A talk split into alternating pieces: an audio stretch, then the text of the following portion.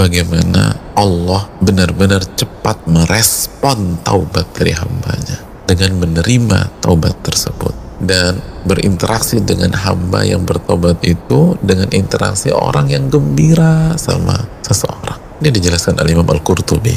Kita kan sering kalau buat salah tuh sama sosok tersebut kita ditunda-tunda. Bu, maafin saya bu ya. Nanti deh nanti nanti. Besok aja ya. Saya lagi sibuk. Saya mohon maaf ya. Udah jangan sekarang jangan sekarang jangan sekarang. Minggu depan aja kita ketemu lagi. Minggu depan. Jadi kita dibuat tersiksa seminggu tuh. Subhanallah. Saya ini lagi sibuk. Jangan bahas masalah ini. Emangnya saya cuma ngurusin kamu doang. Udah minta maaf. Nggak direspon langsung. Diserang balik. Terus kapan saya bisa bicara? Nanti nanti nanti. Allah enggak.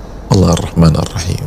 Yang maha pengasih lagi maha penyayang. Allah Al-Ghaffar. Al-Ghafur. Allah Al-Af langsung direspon